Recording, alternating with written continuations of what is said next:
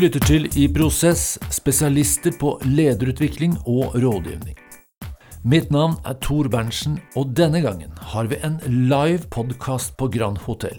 Med utvalgte toppledere fra vårt nettverk og flere spennende gjester. Velkommen til live podkast her på Grand Hotell i Oslo. Jeg har med en gjest som skal snakke om beslutningspsykologi. Altså hvordan ta bedre beslutninger. Så la meg ønske velkommen til Jan Ole Hesselberg, programsjef i Stiftelsen DAM. Velkommen. Takk for det. Du, jeg er spesielt begeistret for å møte deg her i dag. Og det er flere grunner. Den ene er at jeg har lest boka di, og den er formidabel. Den må bare alle ledere lese. Og det tror jeg du har en plan for at vi skal få til i dag. Det, det har jeg faktisk tatt med meg eh, bok til alle. Mm. Den andre grunnen er at jeg er en superfan av en eh, forsker som heter Daniel Kahneman. Som har forsket på noe av det samme som du har gjort. Eh, og han har betydd mye for hvordan jeg designer mine lederprogrammer. Men etter å ha lest din bok, eh, så har vi nå fått, ifølge meg, en ny høvding på norsk jord på dette viktige fagområdet. Og det liker jeg svært godt, for det er ikke alltid at det er supermatch mellom internasjonal forskning og norsk forskning. Der kan det være noen variasjoner. Um, og jeg er litt spent på om det er kulturelle variasjoner innenfor dette fagområdet. Kan du bare si noe om det? Det er det absolutt. Og, kultur og sosiale omstendigheter har utrolig mye å si for beslutningene våre. Så, ja. så situasjonen er kanskje noe av det aller viktigste man må ha kontroll på. Så um, det slipper man uh, ikke unna, nei. nei. Bra, så det er ikke bare biologi, altså? Det er ikke bare biologi og evolusjonære tendenser. Det er veldig mye situasjon og kultur også. Ja. Men jeg har jo masse spørsmål til deg, men eh, før vi går på dem, fortell litt om DAM og din rolle. Så skal vi gå ned i de faglige tingene etter hvert. Ja, eh, Stiftelsen DAM er en eh, norsk stiftelse som er av og for frivillige helseorganisasjoner. Vi deler ut rundt 500 millioner kroner i året til norske helseprosjekter og norsk helseforskning. Og min rolle som programsjef er å kvalitetssikre de beslutningsprosessene som ligger til grunn for utdelingen av de pengene. Ja. Vi vurderer ingen prosjekter selv det er eksperter som gjør det.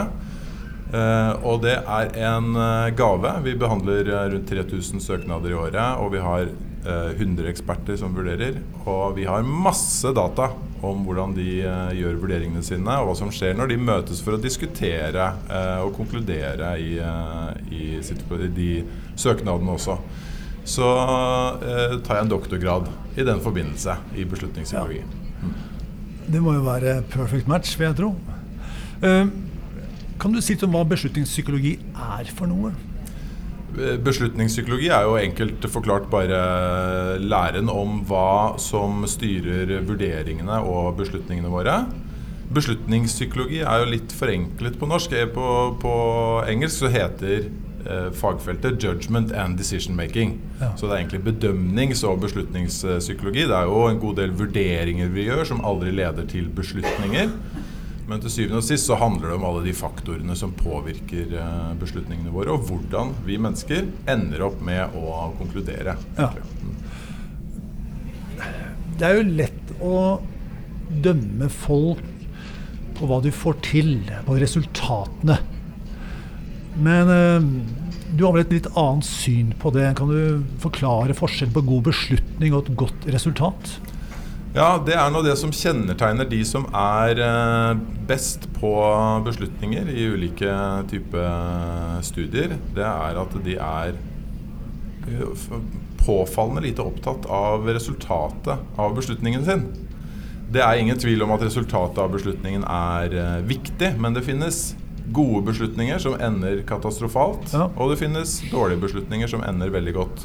Du kan dra til Vegas og sette hus og, og pensjonspengene dine på, på rødt på rulettbordet og vinne, men vi kan alle være enige om at det antageligvis ikke er en supergod beslutning. Uh, Robert Lewandowski treffer på ni av uh, ti straffer. Uh, det betyr jo at han bommer på 10% av dem, men da likevel verdens beste beslutning å la han ta den straffen. Uh, fordi han er den som treffer uh, aller oftest. Ja. Det er uh, det der tror jeg er litt vanskelig for oss i næringslivet å ta helt inn over oss. Jeg tror vi ikke bare dømmer beslutningene våre på resultater, men jeg tror vi dømmer mennesker også på resultater. Eh, altså Hvis du sier en gründer som gjør en suksess, og en gründer som ikke gjør en suksess. Mm. Begge kan jo ha samme innsatsen og kunnskapen og gjort det samme. Det er ofte litt flaks som er forskjellen, er det ikke det? Ja, og noen ganger har du, det, har du dette i samme person også. I forbindelse med et TV-program som jeg eh, lagde, så intervjuet vi Idar Vollvik. Ekstremt risikovillig eh, type. Ja. Eh, og, og cashet jo inn på det maksimalt ikke sant, med chess-satsingen sin. Um, og så solgte han. Uh, hadde masse penger og begynte å investere de pengene uh, like, med like stor risiko. Og en haug av folk, fulgte etter han også med de investeringene. Uh, fordi han var genierklært etter chess-satsingen. Det gikk ikke like bra etterpå. Så det å komme seg forbi det enorme fokuset på resultat Eh, det er ganske sentralt for å bli bedre til å tenke om beslutninger. Ja. Kan du forklare dette med kognitive skjevheter, eller biaser som det heter på engelsk? eh, Og hvordan dette liksom påvirker beslutningstaking, særlig på toppledernivå, hvis det er noe spesielt der? Ja, altså Kort fortalt så tar vi mennesker Vi bruker snarveier når vi skal uh, gjøre vurderinger. Så hvis jeg spør dere hva er det som er mest uh, vanlig i deres nabolag, er det, er det Tesla modell S eller er det Porsche Taycan? Så Hvis du kjenner til de merkene, da, så, så vil du antageligvis ikke begynne å telle observasjoner. Du, bare, du har et intuitivt svar på det, antageligvis. Og når du begynner å tenke på det, så så bruker vi en strategi, en snarvei, som heter tilgjengelighetsheuristikken, kalles det. Og det er hvor lett kommer du på eksempler av disse, disse bilene. Og den bilen som du lettest kommer på eksempel på, den antar du er mest vanlig. Sånn svarer vi på det spørsmålet. Vi, vi tilnærmer oss ikke som en statistiker og teller eksempler også, og, og, og, frekvenser. Så Det er ett eksempel på en sånn snarvei. Og de snarveiene er ekstremt nyttige de er grunnen til at vi sitter her i dag som art. Det er grunnen til at vi dominerer verden. Eh, de er utrolig presise i vårt naturlige habitat og i de aller fleste situasjoner. Det gjør at vi tar valg kjemperaskt. Vi, vi bestemmer oss for om vi skal stole på en person eller ikke, utrolig raskt. Uh, vi gjenkjenner uh, situasjoner. Dette er egentlig mønstergjenkjenning da, som ligger til grunn for dette. Fantastisk eh, hvor raskt vi klarer å ta beslut komplekse beslutninger. Men disse snarveiene de leder oss også inn i noen feller. De fører til systematiske skjevheter, uheldige tendenser i beslutningene våre, som kalles kognitive bias. Ja. Eh, eller tankefeller, eh, om du vil. Og eh, problemet med det I utgangspunktet er ikke det noe problem, men i et så informasjonstett samfunn som vi lever i, og i den type jobber som veldig mange eh, befinner seg i, som er hvor du må behandle masse informasjon, eh, du jobber under tidspress, så vil disse tendensene kunne slå veldig negativt ut. Et eksempel på det, det er et fenomen som jeg tenker er spesielt relevant for ledere, er et fenomen som kalles overkonfidens. Altså, vi har altfor stor tiltro til eh, at vi skal klare å predikere eh, utfall av, eh, av, beslutningene våre. Så én ting er at vi litt, uh, har en tendens til å være for sikre. Eh, men vi, vi, tror i for stor grad at vi har klart å fange opp de faktorene som er relevante for utfallet av beslutningen. Eh, du ser det på i, ja, alt av byggeprosjekter. Ser, du jo, ser, du jo, det. Og du ser det i tidsestimater. Uh, du ser det i, i, estimater på hvordan det kommer til å gå med, med nye produkter som lanseres. Altså dette er du nevnte Daniel Kahneman, og han sier da er det én sånn tankefelle som han kan sette, burde sette strek over. Hvis han kunne liksom sette strek over én, så, så ville han ha valgt å sette strek over overkonfidens. Ja. Og, hva mener han med å sette strek over? Nei, altså hvis han, hvis han kunne fjernet en tankefelle som vi, Ah, går, ja, som vi ja. går i, en Som vi mennesker fjerner ut av Ja. hodet vårt. ja, Ja. eh, som ville ha løst mest mulig altså, Som ville vært til det beste for oss, så ville han ha fjernet den. Eh, det fører til eh, en god del eh, dårlige beslutninger. Eh, settes i gang en del prosjekter som ikke burde ha blitt satt i gang. Og så eh, er det en, eh, en av de tankefellene som det er mulig å korrigere litt for. Ok. Ja. Um, jeg blir litt nysgjerrig på det, selvfølgelig. Men før vi, er det noen i salen som kan si at de har Hvem har opplevd overkonfidens? Eller eh, noen som har gjort det? Yes, så bra. Jeg lurer på eh, Vi skal selvfølgelig høre på hvordan vi kan, kan korrigere for det, men hvis vi ikke hadde hatt den egenskapen, tror du noe, noe som helst ville blitt gjort da? Altså Helt seriøst, hvis livet hadde vært så vanskelig som det egentlig har vist seg å være, så alle prosjektene jeg har starta og satt i gang, hadde vært så vanskelig som, jeg, som det har vist seg å være. Hvis jeg hadde trodd det ved starten, så hadde jeg kanskje tenkt vet du, dette gidder jeg ikke. Men eh, jeg tror det er lett. Erfare at det er vanskelig, og gjør det en gang til. Jeg tror fortsatt at det er lett. Sånn holder jeg på.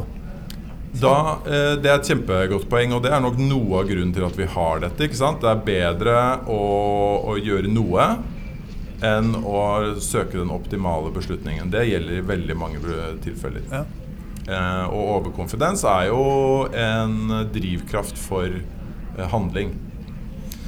Eh, men man må se kanskje litt på det fra to forskjellige perspektiver. Hva er det som er bra for eh, deg personlig? Og hva er det som er bra for uh, menneskeheten og eventuelt den bedriften man uh, jobber i? Ja. Og hvis du ser, hvis du ser på uh, Man kan jo argumentere mot det du sier også, fordi det kan jo være at det faktisk hadde vært bedre å droppe det. Eh, og investert i noe annet. Hvis du hadde, for én ting er jo ikke 'jeg skal gjøre dette eller ingenting'. Alternativet er jo veldig ofte 'skal du gjøre dette, eller skal du gjøre noen av de andre tingene du, eh, du har muligheten til å gjøre'? Og da kan man jo argumentere for at det antageligvis er det lurt å være best mulig kalibrert. Og ta den eh, best mulige beslutningen blant de alternativene. Og sett fra, sett fra et, en bedriftsperspektiv så ønsker du ikke liksom et hav av folk som, som eh, er overkonfidente. ikke sant? Du, du, ja, du kan treffe på Idar eh, Hvis Idar Vollvik hadde eh, vært der, så kunne du treffe, truffet med hans risikovillighet. Men hvis alle sammen hadde vært det, så hadde antageligvis nett, altså netto blitt negativt. Um, så jeg vil si at når vi skal ta viktige beslutninger, så er det, er det en fordel å være godt kalibrert. Sånn oppsummert. Ja, ja, Ja. bra. Så overkonfidens skal vi kompensere litt for. Eh, hvordan gjør vi det? Eh, da bruker man det som på engelsk kalles 'reference class forecasting', eller utsideblikket på, på norsk. eh, som jeg liker veldig godt. Det er et eksempel på det. Reference class er på en måte Du skal ta utgangspunkt i eh, en referanse av beslutninger som ligner på den du skal ta. Så la oss si at du skal eh, starte en bedrift. Og så, og så blir du spurt eh, hva er sannsynligheten for at det her kommer til å gå. Det må du jo ha med i beregningen når du starter. Og så tenker du det at jeg tror det kommer til å gå bra, for jeg skal, jeg skal jobbe hardt, og jeg, ideen min er god. Eh, da ville jeg kanskje ha sagt Men er du klar over at syv av ti norske bedrifter eh, ikke eksisterer etter fem år? Eh, ja, men jeg, jeg har jo en god idé og skal jobbe hardt. Ja, men av de som startet de eh, bedriftene, hvor mange av de tror du ikke tenkte akkurat det? Ja. Altså antagelig alle tenkte det, det. Veldig få som starter en bedrift uten å tenke at de skal jobbe hardt. Og ha Jeg har en dårlig idé og liker slaraffenliv. Ja, ikke sant? Skal ta det rolig. Um, så uh, da vil denne teknikken si at du må ta utgangspunkt i at sannsynligheten for at du overlever, er 30% Det er baselinen din. Det er, start, det er startingpunktet ditt. Det er den referansen. Og så må du justere ut fra den referansen, og da må argumentene dine, som skal få deg til å dytte deg bort fra den referansen, må skille seg som, fra det som finnes i den referansen. Så hvis du antar at de som starter bedrifter, stort sett har en god idé og er villig til å jobbe raskt, så må du, da må du hvert fall argumentere for at du er villig til å gjøre enda mer enn hva de gjorde, for at du skal endre sannsynligheten din. Og den måten å tilnærme seg det på, det har vist seg å uh, føre til mer presise estimater. Og det gjøres, uh, det gjøres systematisk. F.eks. i Storbritannia med en del uh, byggeprosjekter så har de en sånn statlig håndbok som, som hvis erfaringen f.eks. er at når man bygger en svømmehall, så går det 40% over budsjett. Ja, da skal du lage et budsjett, og så skal du gange med 1,4 for å få sluttresultatet. Ja. det er reference class forecasting. Du verden, det skulle vi begynt med Norge også, tror jeg. For det er en del prosjekter som ikke er gått helt slik det var planlagt. Hva med følelser? Vi mennesker liker jo å tro at vi er rasjonelle, fornuftige skapninger som har en plan og mål, og det er en grunn til at vi gjør det vi gjør. Um, hvilken rolle spiller følelser i våre beslutninger? Følelser er med i absolutt alle beslutningene våre. Selv om vi føler oss uh, avbalanserte og rolige, så er alltid følelser med. Vi er følelsesvesen. Altså de strukturene i hjernen vår som, uh, som, omhandler følelser, er dominerende. De De deler vi med alle uh, pattedyr. De er helt sentrale.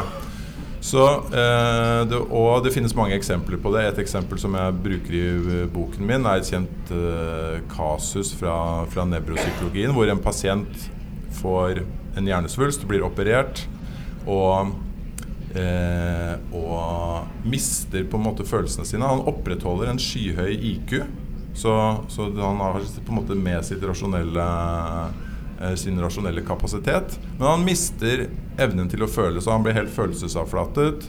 Går fra kona, bryr seg ikke noe om det. Får ny kjæreste, bytter uh, ikke, Er ikke interessert i jobben sin lenger. Uh, og en av de tingene som kommer frem i behandlingen av han, er at han, han har veldig god evne til kost-nytte-vurderinger, men han klarer aldri å stoppe. Så han blir spurt blir spurt uh, når skal, du, når skal vi ha neste time. Uh, og da begynner han med fordeler og ulemper med ulike alternativer, og klarer ikke å runde av den. Og kost-nytte og rasjonelle vurderinger kan du gjøre i det uendelige. Det finnes ingen grenser for hvor mye informasjon du kan samle inn for nesten en hvilken som helst beslutning. Ja. Så vi trenger følelsene for å lande. Så han gjør analysen, men han kommer aldri fram til en konklusjon. Han kommer ikke frem til den konklusjonen. Det tar iallfall fryktelig lang tid.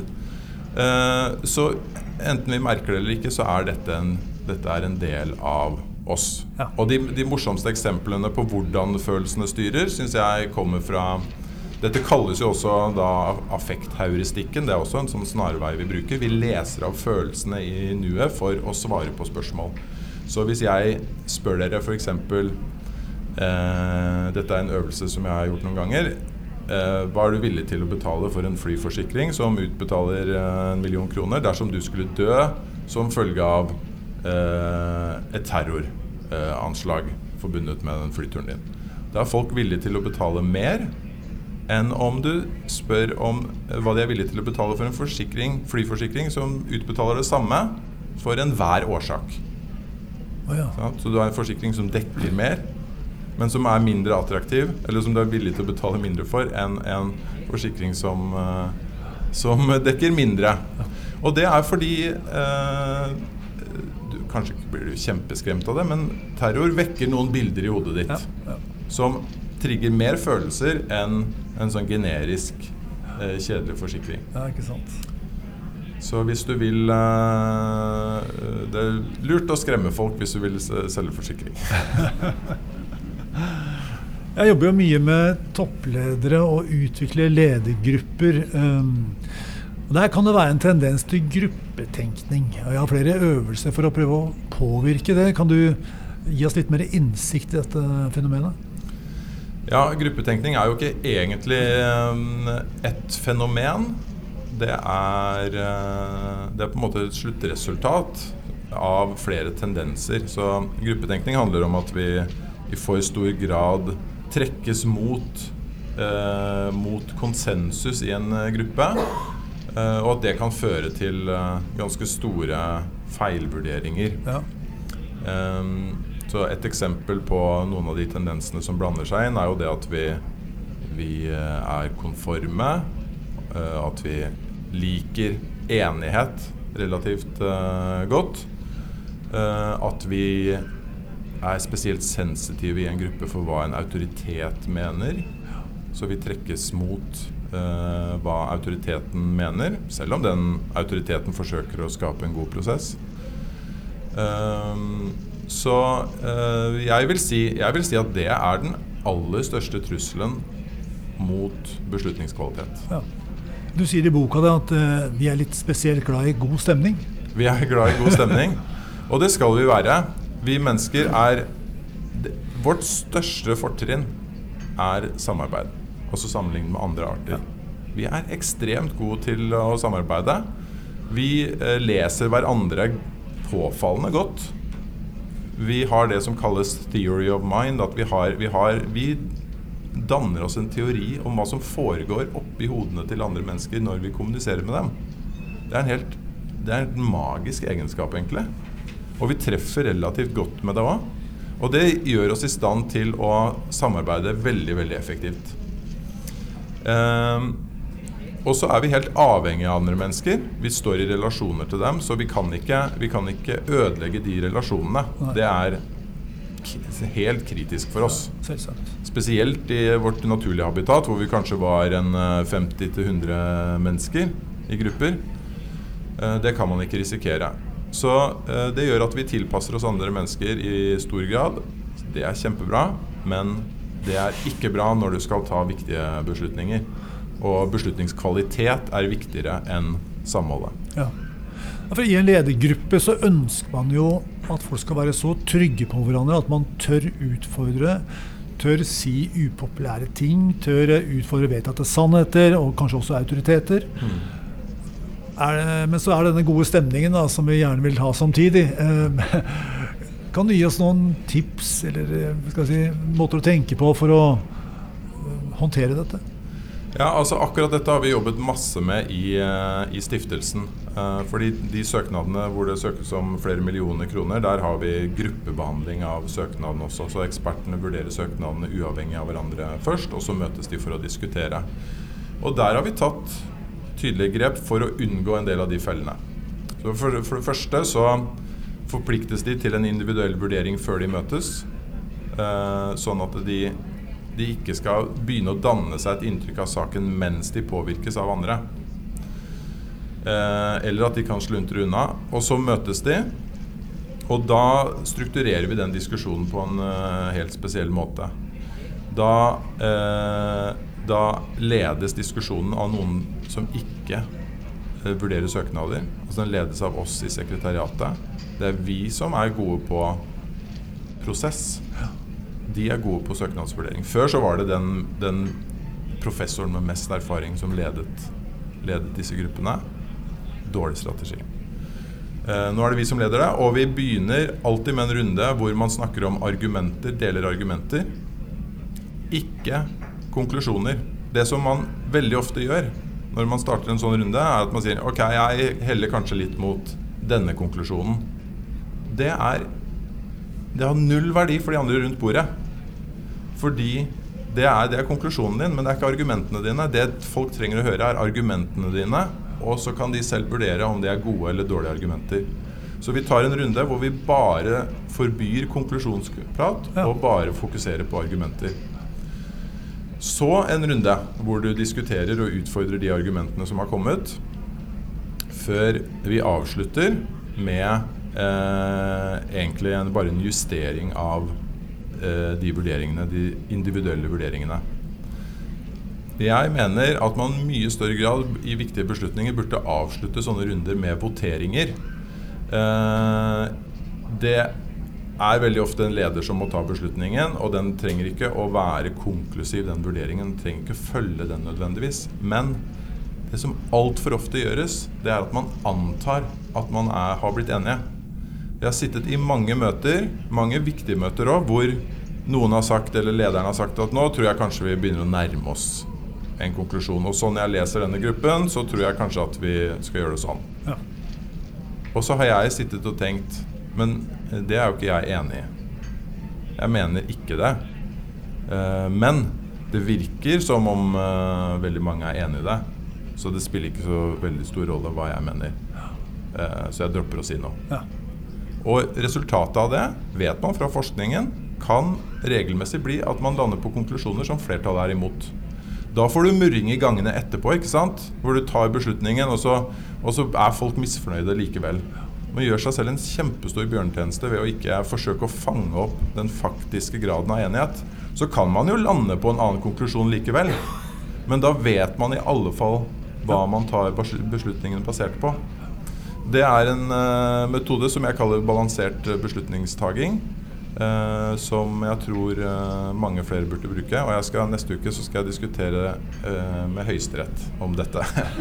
For der starter de alltid med den med mest erfaring. Ja. Eh, og det er den som leder, eh, leder eh, an diskusjonen, leder ankeforhandlingene. Så jeg har spurt om det er det faglig begrunnet, eller handler det om tradisjon? Og det er definitivt ikke faglig begrunnet. Akkurat. I boka di så nevner du et eksempel hvor man har tallverdier. Det er to personer som snakker sammen og har vurdert en, sannsynligvis en søknad. Da. Eh, jeg mener at det er en firer, en annen mener at det er en sekser. Og så blir de liksom enige om en femmer. Mm. Eh, forklar det eksempelet, og eh, si hva vi kan lære av det. Eh, ja, altså eh, det, som, det som vi gjorde i stiftelsene Vi har analysert disse beslutningene til ekspertene våre. Og så kan man gjøre litt sånn ganske avanserte statistiske analyser og finne ut av hvor mye er det egentlig søknaden forklarer av utfallet til søknaden. Så du kan se hvor stor rolle spiller søknaden i hva som, med, hva som skjer med søknaden. Eh, og det tallet vi kom fram til et av våre største programmer, var 18% Så det er Altså en god søknad har 18% effekt på beslutningen? Nei, søknaden, for, søknaden forklarer uh, 18 av variansen av utfallet. Litt okay. komplisert det, men, men, poenget er at det er 82% andre faktorer. Ja. Og de faktorene, det er hvem som vurderer. Eh, hvilken rekkefølge søknadene vurderes i, når på døgnet søknaden vurderes. Massevis av andre faktorer som blander seg inn. Eh, men eh, samt midt i dette så eh, opplever våre eksperter at de er kjempeenige om eh, søknadene de vurderer.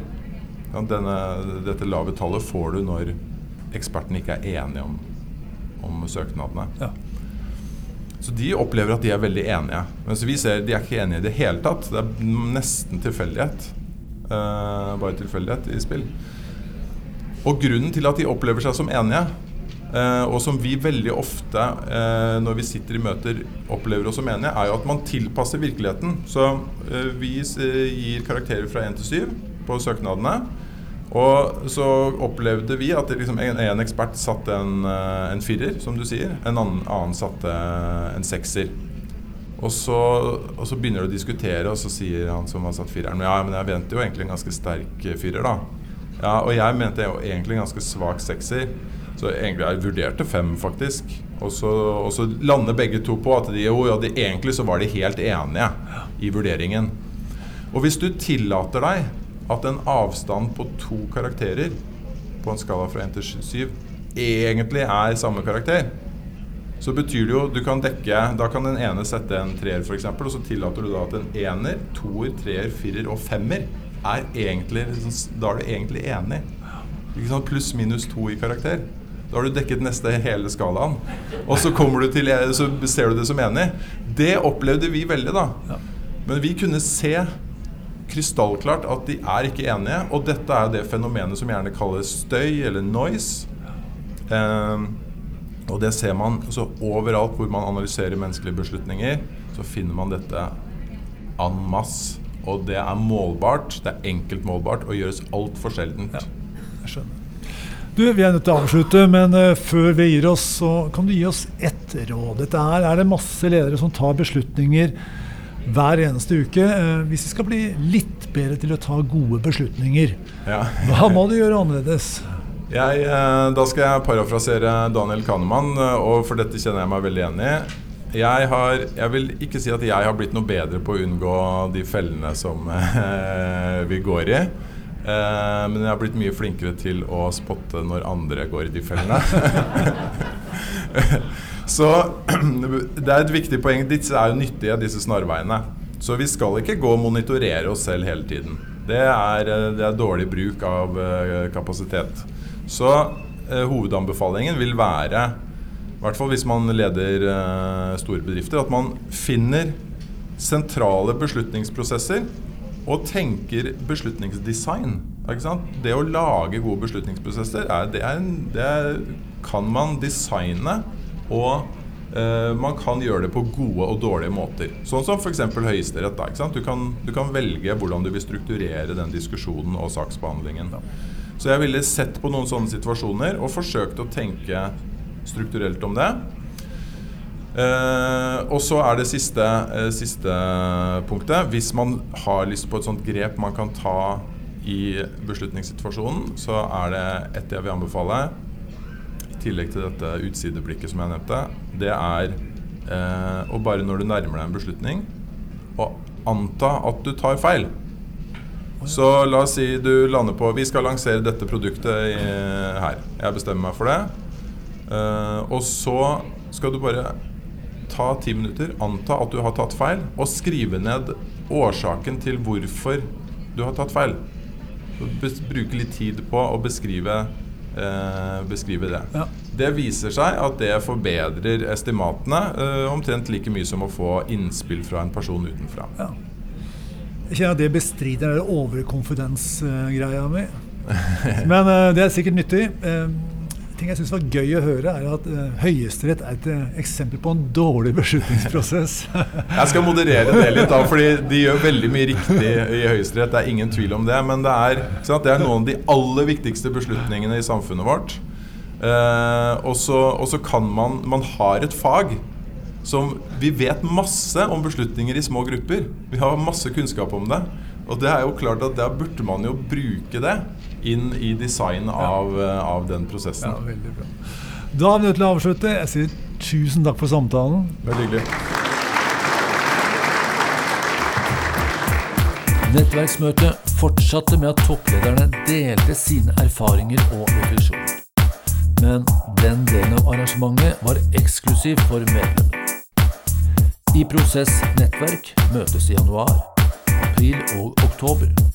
Dersom du ønsker å bli med, kan du ta kontakt på post at iprosess.no, så kan vi sammen vurdere veien videre.